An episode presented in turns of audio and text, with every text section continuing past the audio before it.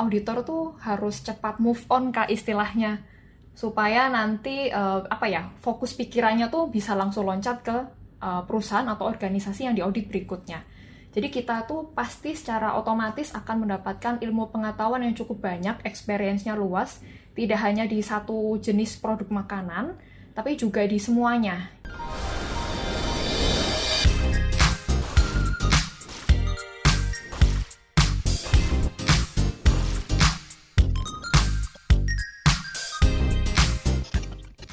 Voyagers, welcome back to Fuya Stories, podcast yang membicarakan point of view atau sudut pandang para profesional yang berpengalaman dalam bidangnya. Bersama saya Merinda, selaku host yang akan menemani kalian dalam episode Fuya Stories yang kedua. Nah, kali ini kita kedatangan Kak Anita Nugroho, seorang Food Safety and Quality Auditor di TUF North Group dengan patient code TOD atau Thinker, Organizer, and Doer. Nah, penasaran sama patient code kalian? Kalian bisa langsung ambil patient assessment di FUYA sekarang. Kalau misalnya kita dengar-dengar soal auditor sih pasti kepikirannya itu tentang finance gitu ya, atau yang kayak uang-uangan deh. Tapi ternyata ada yang namanya food safety and quality auditor. Itu ngapain ya kira-kira ngaudit makanan? Aduh, daripada salah mending kita langsung sapa aja nih guys kita. Halo Kak Anita, apa kabar? Halo Kak, kabar baik. Gimana Kak Mei kabarnya? Amin, baik-baik nih WFH aja sih, jadi mungkin agak bosen gitu ya di rumah. Kalau Kanita gimana nih? Apakah WFH, WFO atau mungkin work from anywhere nih? Kan denger-dengar ada eh, gitu tuh. Benar-benar benar WFA jadinya. bener-bener work from anywhere ya, yang penting kerja.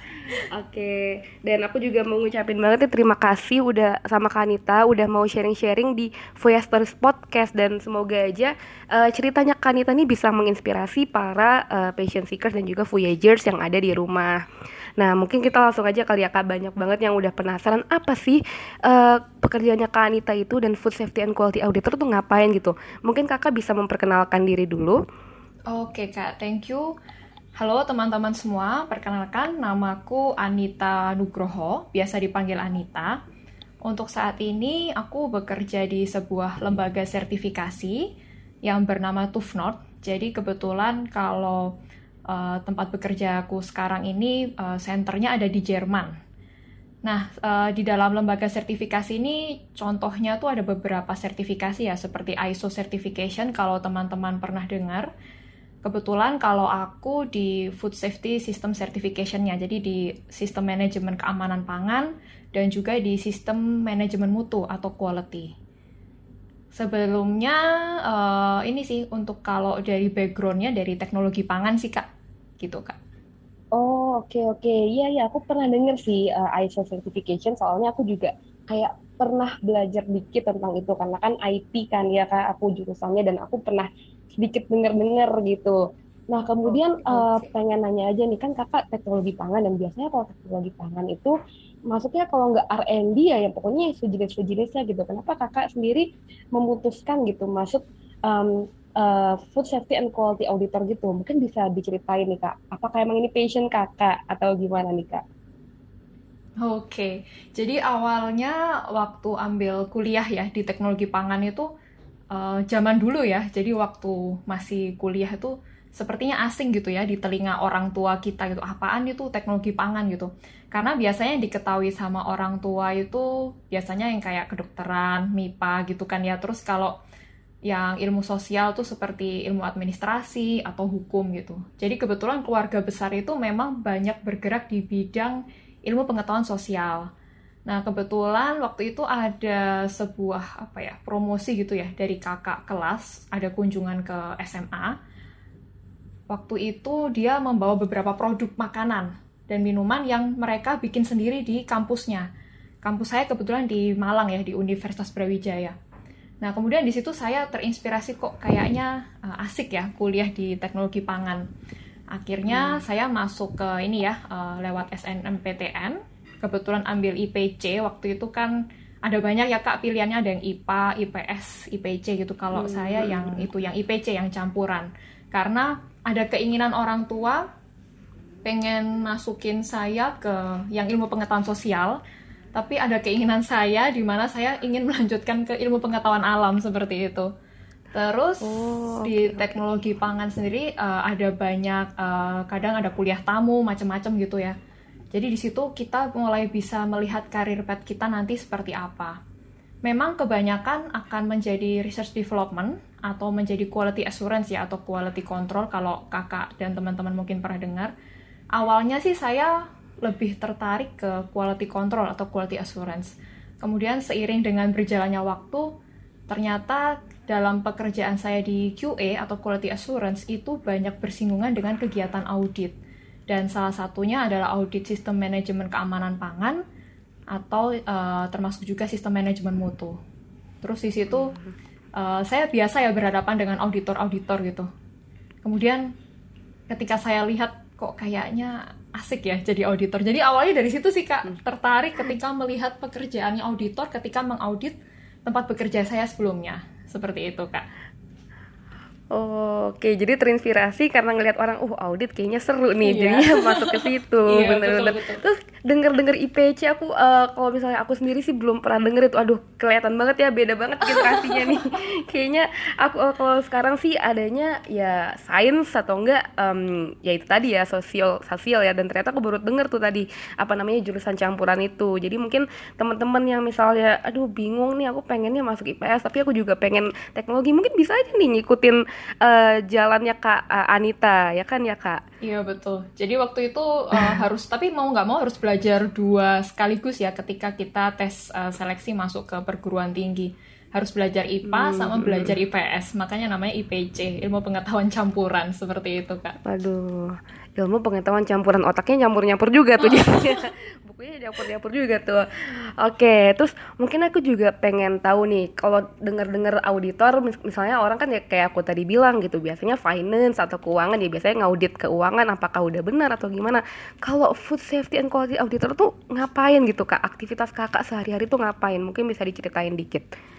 Hmm aktivitasnya ya jadi mungkin sama seperti yang kita kenal pada umumnya kan auditor di finance ya. Jadi auditor tuh kan memeriksa sesuatu gitu ya. Sistemnya ini sebenarnya bekerja dengan baik atau enggak di sisi sebuah perusahaan atau organisasi gitu. Jadi kalau uh, auditor makanan ya, food safety management system, berarti dia akan mengaudit sistem manajemen keamanan pangan yang sudah diterapkan di industri pangan baik itu industri yang masih kecil maupun sampai industri yang uh, skalanya besar ya atau sampai multinasional company.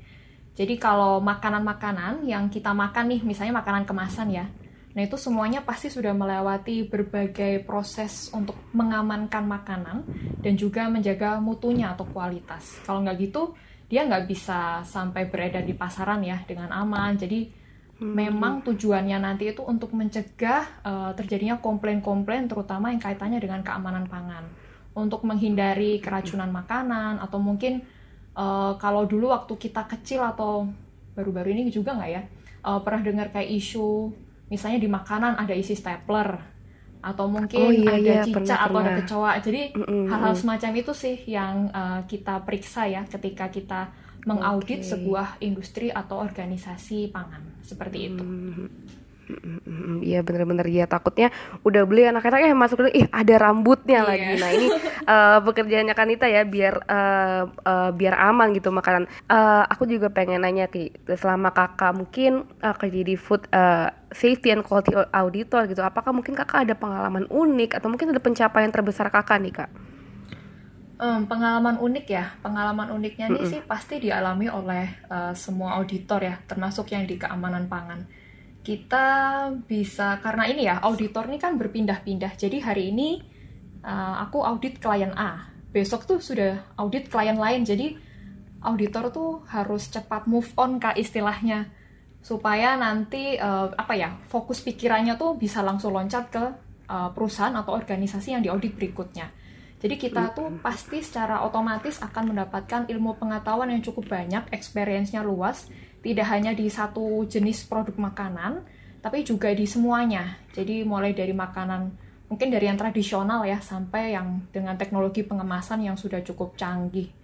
Selain itu kalau kita bicara soal uh, manajemen mutu atau quality, kalau dari aku personal sih pernah ini ya uh, audit seperti ke lembaga-lembaga pemerintahan atau mungkin BUMN dan juga uh, swasta. Jadi cukup banyak sih Kak nanti pengalaman yang akan didapatkan dari situ. Jadi uh, otaknya tuh harus cepat berpikir ya, karena kita kan harus menyesuaikan hmm. dengan culture dari klien ya yang kita audit gitu. Jadi langsung tak tak tak, tak oh, kayak gitu, nggak boleh kelamaan hmm. mikir gitu ya. Nanti sebenarnya sih apa ya nanti akan terbiasa sih lama-lama supaya kita tuh hmm. uh, lebih cepat berpikir, cepat move on gitu kak. Hmm, Kurang lebih seperti jadi, itu. Kayak harus bisa adaptasi ya kak, karena kan ya setiap perusahaan beda culture, beda produknya juga dan mungkin misi mereka beda, value mereka beda gitu ya, meskipun sama-sama pangan gitu ya kak. Betul.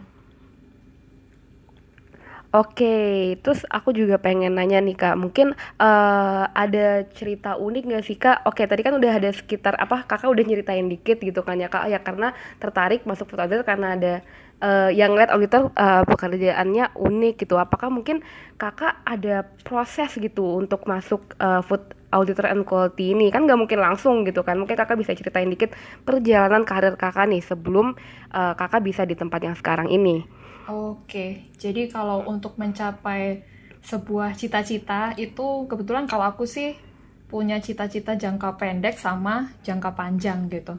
Hmm. Jadi uh, ketika melihat auditor itu tadi ya, yang uh, mereka mengaudit uh, perusahaan yang waktu itu saya bekerja, jadi sudah lama. Terus saya kan terinspirasi dari situ terus saya mikir itu gimana ya caranya bisa jadi auditor? Gitu nah terus uh, hal ini tuh kayak saya masukkan di dalam alam bawah sadar gitu jadi kayak ah pengen jadi auditor ah pengen jadi auditor. Jadi kayak uh, pikiran itu tuh terus ada di dalam otak saya tapi biasa aja sih ngejalaninnya gitu. Jadi kayak apa yang ada di depan mata ya udah itu dikerjain. Nah untuk hmm. mencapai ke sana sih memang harus ada experience ya. Sebelumnya bekerja di uh, misalnya di food manufacturing atau pabrik atau industri makanan minuman. Jadi setelah punya pengalaman di situ, kebetulan kalau aku uh, waktu itu kan di food manufacturing terus mau pindah ke hospitality industry, jadi ke hotel dan restoran. Karena uh, kalau menurutku ya, aku tuh pengen dapat uh, perspektif yang berbeda gimana sih caranya supaya bisa mengerti sistem manajemen keamanan pangan di area yang dia tuh bisa langsung kontak dengan tamunya atau uh, end user ya konsumennya. Kalau di food hmm. manufacturing kan kita cuma pabrik makanan ya, jadi kan kalau mau interaksi sama konsumen kan masih ada tahapan banyak ya, maksudnya masih ada departemen departemen lain yang berhubungan dengan konsumen. Kalau kita kan yang lebih ke produsen makanannya. Jadi di situ waktu di hospitality industry di hotel dan restoran uh, mendapatkan ilmu dan pengalaman yang banyak juga bagaimana cara menghadapi tamu, kemudian mengatasi atau membuat sistem manajemen keamanan pangan yang baik gitu. Nah, terus hmm. dari situ baru saya berpikir ah, ini kayaknya saya sudah cukup nih gitu. Uh, pengen untuk jadi auditor makanan kan. Jadi kalau kita ada di sebuah bidang, terus kita pernah ada di bidang itu ya. Jadi kan uh, pernah menjadi pelaku industrinya atau pelaku usaha tersebut. Nah itu kalau hmm. mau jadi auditor bakal jadi lebih gampang sih kak. Itu sih kak yang ada di pikiran hmm. saya. Jadi step-stepnya tidak cukup setahun dua tahun ya. Jadi untuk menuju ke auditor ini cukup lama sebenarnya. Bener-bener. Kalau lihat perjalanan kakak juga cukup menarik ya, maksudnya seru gitu, kayak ke berbagai macam industri, nggak hanya mungkin FMCG gitu kan. Orang-orang biasanya ah kalau teknologi pangan pasti FMCG, enggak bisa masuk hospitality juga gitu kan ya, betul, Uh, berinteraksi langsung dengan uh, pelanggannya gitu. Nah, terus aku juga pengen nanya nih kak, mungkin apakah ada uh, momen atau mungkin apa sih yang membuat kakak uh, bahagia gitu dengan pekerjaannya kakak sekarang gitu? Yang membuat bahagia adalah pekerjaan ini tuh sesuatu yang dicita-citakan dari dulu gitu ya. Um, apa ya? Sering juga ya diskusi sama teman-teman gitu. Jadi ada yang memang kalau membuat cita-cita tuh ada yang jangka pendek sama jangka panjang ya seperti yang aku lakukan. Tapi ada juga yang pokoknya dikerjain aja apa adanya gitu kan. Maksudnya apa yang di depan mata dikerjakan. Mungkin tiap orang punya perspektif yang berbeda-beda sih. Tapi kalau aku secara pribadi uh, apa yang kita ambil sekarang itu juga akan menentukan masa depan seperti apa gitu. Jadi hmm. kalau dibilang apa ya hal yang menyenangkan ya karena ini sesuai dengan passion ya, sesuai dengan cita-cita dari dulu gitu. Yang sebenarnya cita-cita itu juga nyantai aja sih cita-cita. Jadi kayak ya kalau jadi auditor oke, okay, kalau enggak juga oke. Okay. Tapi di dalam perjalanan itu ya aku menempuh banyak ini ya pengalaman harus ambil banyak pengalaman dari berbagai tempat juga gitu sih kak. Mm-hmm. Jadi istilahnya uh, dreams do come true gitu ya. Jadi dari kecil aduh pengen jadi auditor tapi jalannya santai aja gitu kan. Iya. Eh ternyata beneran jadi auditor uh, food auditor gitu di bidang uh, industri uh, makanan dan juga sekarang malah ngambil sertifikasi ya kan Kak tadi. Iya. Nah, terus aku juga uh, pengen nanya nih kalau misalnya dalam pekerjaan ini kan pastinya nggak mungkin gampang terus kan ya pasti ada ups and downnya gitu. Apakah mungkin ada per, kakak pernah nggak sih dapat uh, mungkin masalah atau mungkin kayak sesuatu yang bikin kakak gerem gitu di pekerjaannya? Kakak mungkin bisa sharing sedikit nih karena kan it's not all unicorns and rainbow gitu kan di dunia industri kakak apalagi. Mungkin bisa diceritain dikit nih kak. Oke jadi up and downnya ya sekarang yang downnya ya bener-bener yang daunnya tadi kan udah up iya, betul, loh, betul, masa betul. up terus. Kalau apa ya yang bikin mungkin ngerasa agak susah gitu ya karena kebetulan kan aku masih baru juga kak jadi baru setahun di lembaga sertifikasi yang sekarang sebelumnya kan lebih ke ini ya praktek langsung sebagai uh, apa ya istilahnya penjamah makanan atau orang yang bekerja di industri makanan ya.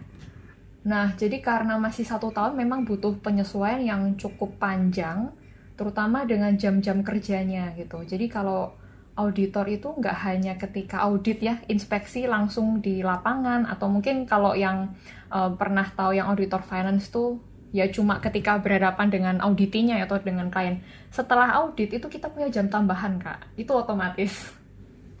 itu buat ngerjain laporan. Nah, laporannya kan macam-macam ya kak. Jadi nggak cuma satu dokumen yang dikerjakan, tapi ada banyak juga. Jadi lebih ke menyesuaikan itu sih jam kerja supaya bisa menyelesaikan laporan lebih efektif dan efisien. Itu yang masih hmm. memang masih ini ya nanti akan berjalannya dengan waktu juga pasti semuanya pasti bisa gitu. Jadi sekarang masih ya berusaha supaya lebih efektif dan efisien lah melakukan itu kak. Hmm. Itu sih kak. Okay. Hmm, oke okay, oke. Okay. Dan aku mungkin ini agak kontroversial kali ya. Aku pernah denger sih kalau auditor tuh pekerjaan yang sangat stressful karena kayak jam kerjanya bisa kapan aja seperti yang tadi katakan Anita itu dan temanku ada juga gitu yang kerja di uh, perusahaan auditor firms juga dan tapi dia uh, bukan di food auditor dia di finance gitu. Dan katanya sumpah Mei stres banget gitu. Apa benar tuh kak? Aku aku cuma dengar dengar aja nih. Nah mungkin kakak bisa uh, cerita apakah itu cuma mitos atau fakta? Nah Wah. gimana tuh kak? Oh, mitos atau fakta ya? Iya mitos atau fakta tuh stressful kerjaan jadi uh, auditor gitu itu sebenarnya tergantung dari sudut pandang setiap orang ya. Tapi kalau boleh dibilang karena jam kerjanya tuh kita kayaknya 24 jam ya bisa jadi kerja jadi kayak uh, katakanlah audit dari jam 8 pagi sampai jam 5 sore. Terus habis itu kita mungkin istirahat bentar terus ntar malam itu pasti kita buka laptop gitu ya. Terus ngerjain laporan-laporan sampai sampai selesainya lah gitu. Jadi memang hmm. akan ada waktu yang mungkin tersita banyak ya di situ. Nah kalau hmm, kita hmm. nggak bisa mengelola stres ya bakalan jadi stres. Jadi kayak pinter-pinternya kita untuk bisa punya uh, waktu tidur atau waktu istirahat yang cukup terus makanan yang cukup juga. Jadi jangan lupa nutrisinya sih. Soalnya kan kalau kurang nutrisi ya jadi pusing ya kak. Nah itu yang bisa bikin stres atau sakit. terus sama ini sih kayak mungkin sesekali kita keluar gitu ya atau mungkin uh, ngerjain report di luar gitu. Jadi supaya apa ya matanya lebih fresh ya jadi hmm, ya tergantung hmm, hmm. bagaimana cara kita menghadapinya juga sih. Tapi memang uh, culture jam kerjanya seperti itu kak kalau auditor. Itu resikonya sih. Hmm gitu kan. Mm, mm, resiko ya yeah. kalau misalnya mau jadi auditor. Jadi kalau misalnya kalian kaum rebahan gitu ya, eh kaum rebahan tapi pengen jadi auditor, susah ya. Jadi emang ya setiap pekerjaan pasti punya resiko dan tadi bener sih kalau misalnya kerja tuh kadang cari suasana baru gitu. Misalnya tadi di kamar ya udah keluar kamar gitu ke dapur gitu ya misalnya, betul, betul. cari suasana baru atau ke mana gitu ke kafe atau yang ke tempat yang lainnya. Nah, terus aku juga pengen nanya nih, mungkin kakak ada kayak um, momen terendah nggak sih kak dalam karir kakak ini gitu? Terus bagaimana caranya kakak tuh get back gitu?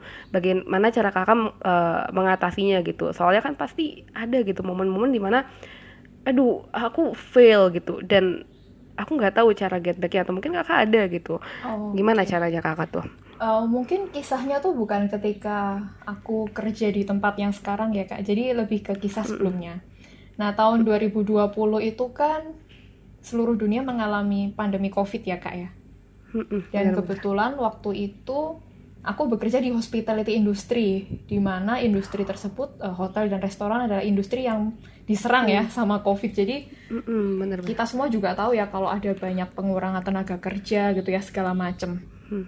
Nah kebetulan karena aku karyawan baru di sebuah uh, tempat bekerjaku saat itu, ya malangnya sih itu kena apa ya? Kena pengurangan tenaga kerja gitu kak. Jadi bukan karena Hmm. uh, performa kita tidak bagus atau apa karena memang uh, kondisi pandemi covid itu membuat bisnis di hotel dan restoran kan cukup terombang ambing gitu ya jadi ya itu semua sih nggak dirasain cuma aku sendiri ya tapi teman-temanku yang lain juga ngerasain dan itu juga banyak ya kalau di kalau kita lihat ya secara keseluruhan gitu nggak cuma hotel dan restoran tapi juga mungkin beberapa industri-industri lainnya terus saat itu aku di Jakarta sendirian kan ya posisinya.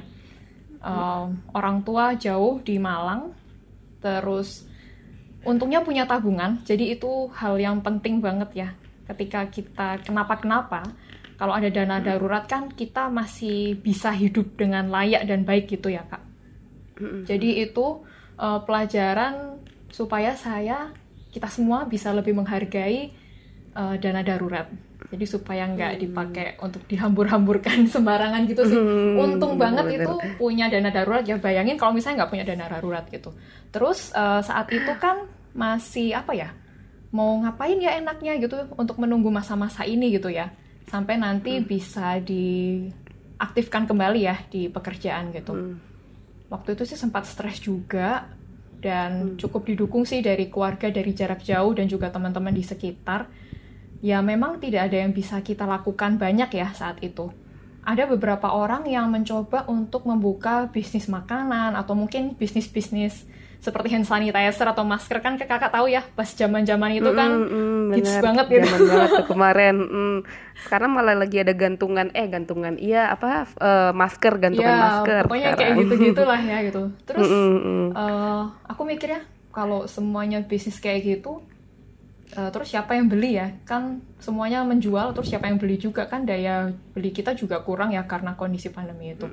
Nah terus eh, aku mikir apa ya yang bisa aku lakukan ketika dulu itu ada waktu-waktu di mana aku tuh sibuk kerja sampai aku nggak bisa mengikuti sesuatu.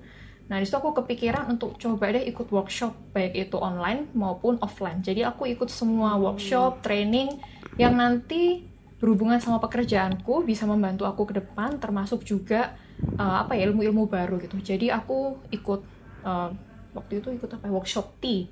Jadi kayak eh, Hmm. membuat teh gitu ya, ada di Jakarta gitu. Jadi kita tuh diajari legendanya teh itu seperti apa, kemudian cara menyajikan teh kan biasanya kalau yang kita tahu tuh kan kelas ini ya kopi-kopi gitu ya bikin kopi. Nah kalau ini enggak ini kelas Mm-mm, bikin teh gitu, jadi unik gitu. Terus bikin jamu gitu, itu kan yang apa ya, yang lucu-lucu unik-unik gitu kan. Terus sama ikut training-training yang berhubungan dengan kerjaanku yang sekarang kak malah, jadi kayak ISO. Terus pokoknya yang sistem manajemen sistem manajemen itu aku ikutin. Jadi uangku itu dana daruratku sebagian itu aku pakai untuk investasi pengetahuan. Mungkin kalau orang lain investasi uang gitu ya, tapi ternyata ada investasi lain yang bisa membantu kita ke depan yaitu investasi pengetahuan. Jadi ketika kondisi sudah mulai normal, terus aku mulai dipanggil lagi ya untuk eh, bekerja kembali, itu aku udah punya bekal-bekal yang baru nih gitu. Jadi ya udah siap ya nanti oh nanti bakal melakukan ini itu. Nah kebetulan di saat-saat seperti itu lembaga sertifikasi tempat saya bekerja yang sekarang ini eh, membutuhkan auditor. Jadi ya udah eh, setelah diskusi ya dengan keluarga dan juga eh, dengan atasan saya dengan orang-orang yang saya percaya, ya akhirnya saya masuk ke lembaga sertifikasi ini. Jadi ceritanya untuk sampai ke auditor itu tidak hanya persiapan dari cita-cita yang kecil-kecil tadi itu, tapi juga apa yang bisa kita lakukan ketika kita sedang down. Seperti itu sih kak. Jadi ternyata yang saya gunakan ya ketika saya istilahnya tuh eh, tidak bekerja, eh, waktu itu dinonaktifkan ya dari pekerjaan, ternyata itu malah bermanfaat untuk beberapa bulan ke depan. Jadi aktivitas yang kita lakukan sekarang itu memang akan menentukan masa depan kita seperti apa. Nah, di situ sih Kak momen yang paling down tapi itu yang bikin saya jadi up banget gitu sampai sekarang. Gitu Kak. Oh oke, okay. waduh inspiring banget soalnya aku juga relate sih ke kakak. Jadi kan uh, kemarin aku lulus pas waktunya corona, jadi kayak aduh sarjana covid nyarinya kerja tapi malah covid, jadi bener-bener aduh ngapain luntang-luntung dan akhirnya aku juga ikut beberapa workshop gitu yang meskipun nggak nggak berhubungan pekerjaan aku sekarang, tapi aku kayak seneng gitu, Betul, betul. kayak ada iya kayak wah kayak seneng gitu belajar hal baru terus kayak ketemu banyak orang juga Betul. jadi uh, benar-benar uh, aku setuju banget sama kak uh, Anita kalau misalnya uh, investasi itu nggak hanya investasi yang mungkin sekarang teman-teman tahunya reksadana dan mungkin yang trading tradingan Iya. gitu ya investasi bisa ke pengetahuan kayak tadi bisa beli eh bisa beli ya workshop ikut pelatihan gitu-gitu Iya, bener banget nih. Eh, mungkin teman-teman di rumah juga para Voyagers di rumah kalau misalnya eh, mungkin sekarang lagi bingung mau ngapain, Mas udah lulus kuliah atau mungkin eh, kuliahnya lagi off, ya udah ikut aja workshop banyak banget. Fuya juga sebenarnya ngadain workshop juga nih. Nah, kemudian aku juga mungkin eh, tanya untuk ke kakak nih, apakah mungkin eh, resiko ada resikonya gitu, resiko terbesar yang perlu kakak ambil gitu untuk mengejar karir kakak sebagai eh, food auditor ini nih kak. Oke, resikonya ya. Resikonya adalah em, waktu. Jadi seperti kita ketahui tadi kan kita akan banyak mengerjakan di reporting ya atau membuat laporan gitu.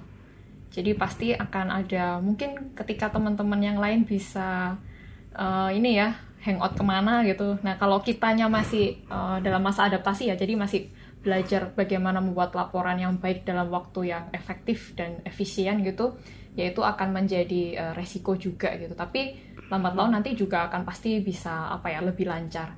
Terus resiko lainnya kita harus siap untuk traveling. Jadi ini resiko yang bisa berdampak positif, bisa juga berdampak negatif.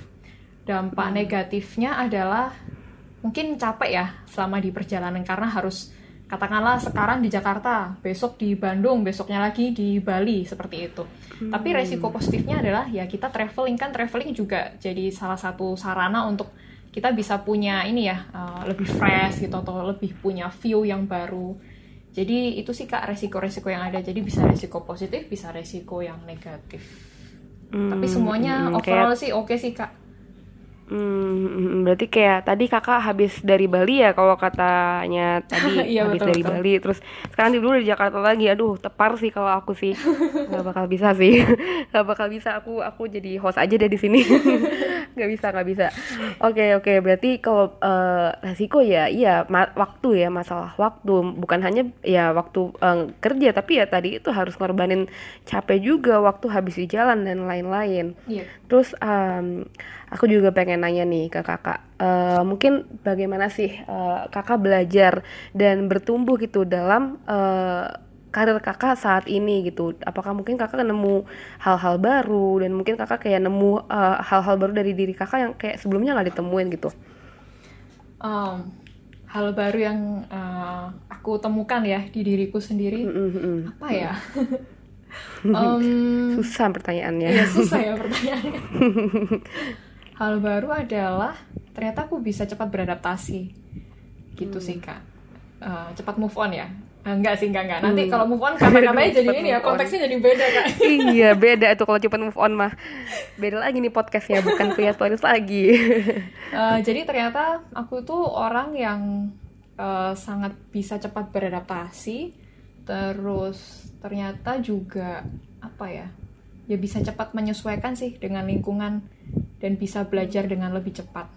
Itu sih kak. Terus sama satu lagi untuk jadi auditor, nah itu nggak harus jadi orang yang galak. Memang tiap orang kan punya personal branding sendiri-sendiri ya memang sudah bawaannya dari sananya kayak gitu gitu. Nah ternyata untuk bisa jadi auditor itu kita nggak cuma yang apa ya eh, menegur ya atau mungkin memberi peringatan-peringatan lewat temuan kita, temuan audit kita gitu.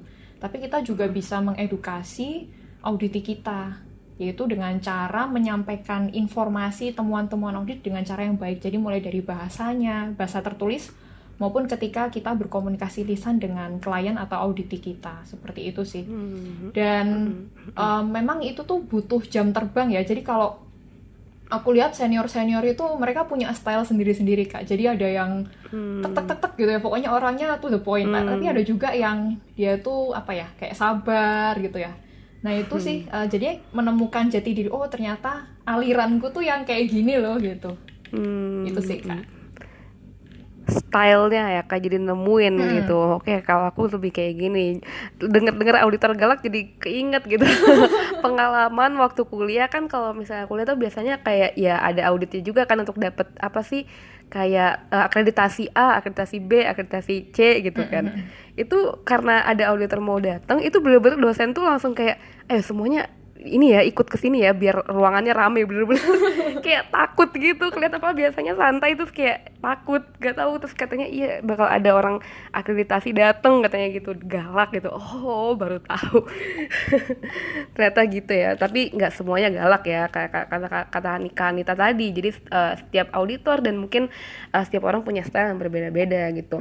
Nah terus aku juga uh, pengen tanya nih kak untuk temen-temen uh, di rumah nih yang pengen gitu wah aku kayaknya tertarik deh masuk teknologi pangan dan nanti uh, besarnya atau setelah lulus pengen jadi uh, quality control and also food auditor apa mungkin ada keterampilan dan juga um, attitude gitu yang dibutuhkan supaya bisa berhasil di dalam karir ini gitu kak Oke, jadi untuk teman-teman yang ini ya mau milih kira-kira jurusan kuliah apa ya? Nah kebetulan -hmm. kalau untuk yang teknologi pangan ini Uh, jadi bisa dari semua jurusannya tergantung nanti minatnya di mana gitu ya waktu kuliah. Cuma memang akan lebih mudah kalau kita sudah punya background atau basic di ilmu pengetahuan alam atau science. Terus nanti ketika kuliah kita harus aktif juga sih. Jadi uh, menjaga apa ya life balance ya. Jadi tidak hanya kuliah kupu-kupu ya istilahnya kuliah pulang kuliah pulang gitu tapi kita juga harus mungkin aktif di organisasi seperti di himpunan mahasiswa atau mungkin ada banyak organisasi lah ya. Itu untuk melatih soft skill kita.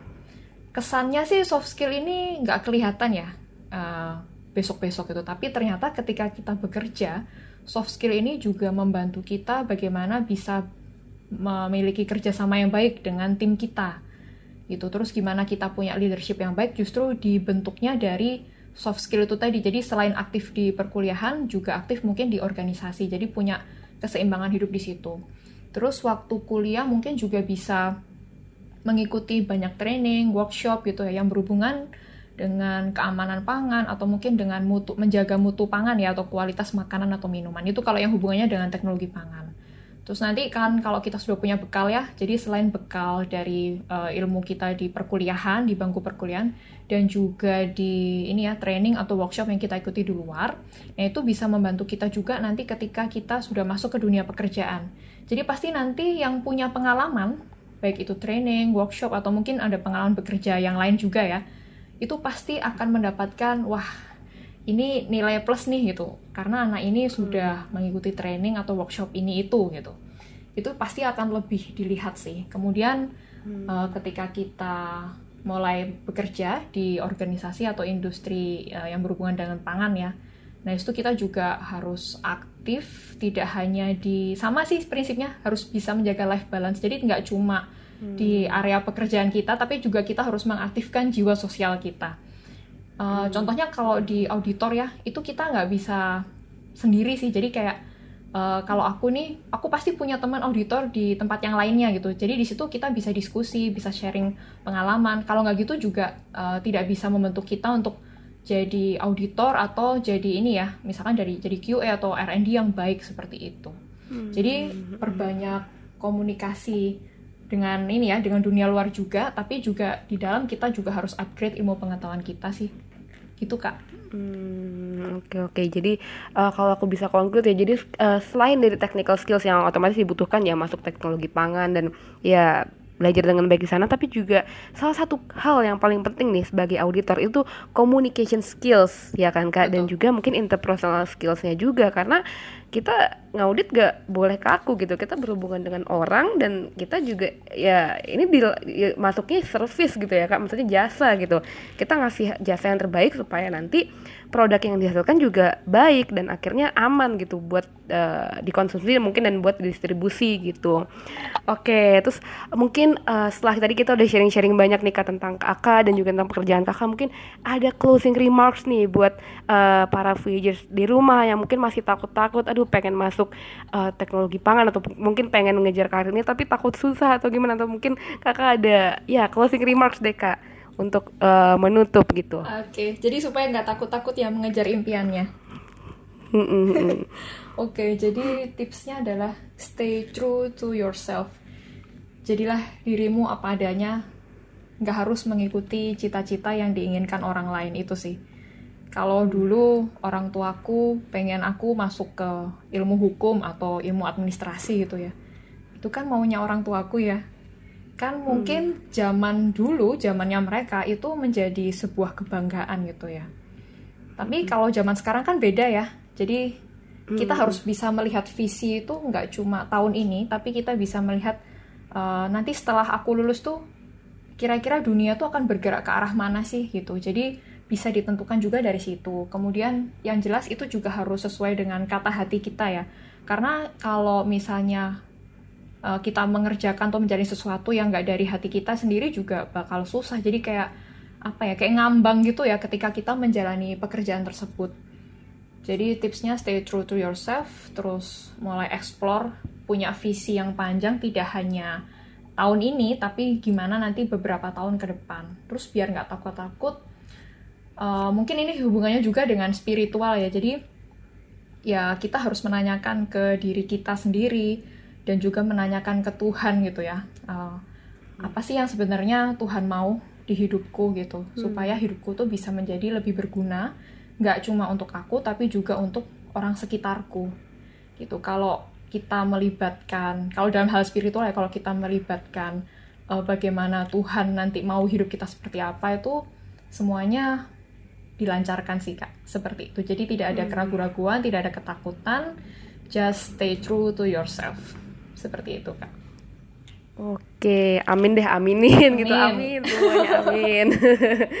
Oke, terima kasih banyak Kak Anita udah mau sharing ceritanya dan juga uh, tips-tips di Fuya Stories Podcast kali ini. Sesi ini insightful banget, aku seneng banget bisa ngomong sama Kak Anita dan juga lebih tahu gitu. Soalnya nggak pernah denger tuh tadi pekerjaan itu tadi terus gara-gara uh, Kak Anita aku juga lebih tahu oh ternyata ada yang namanya food auditor gitu. Dan semoga Voyagers juga makin terinspirasi nih dan mengutip kata Kak uh, Anita tadi ya, tetap stay true to yourself dan untuk teman-teman juga yang di rumah stay tune untuk uh, episode Fuya Stories selanjutnya. Terima kasih Kak Anita. Thank you, bye bye. Bye.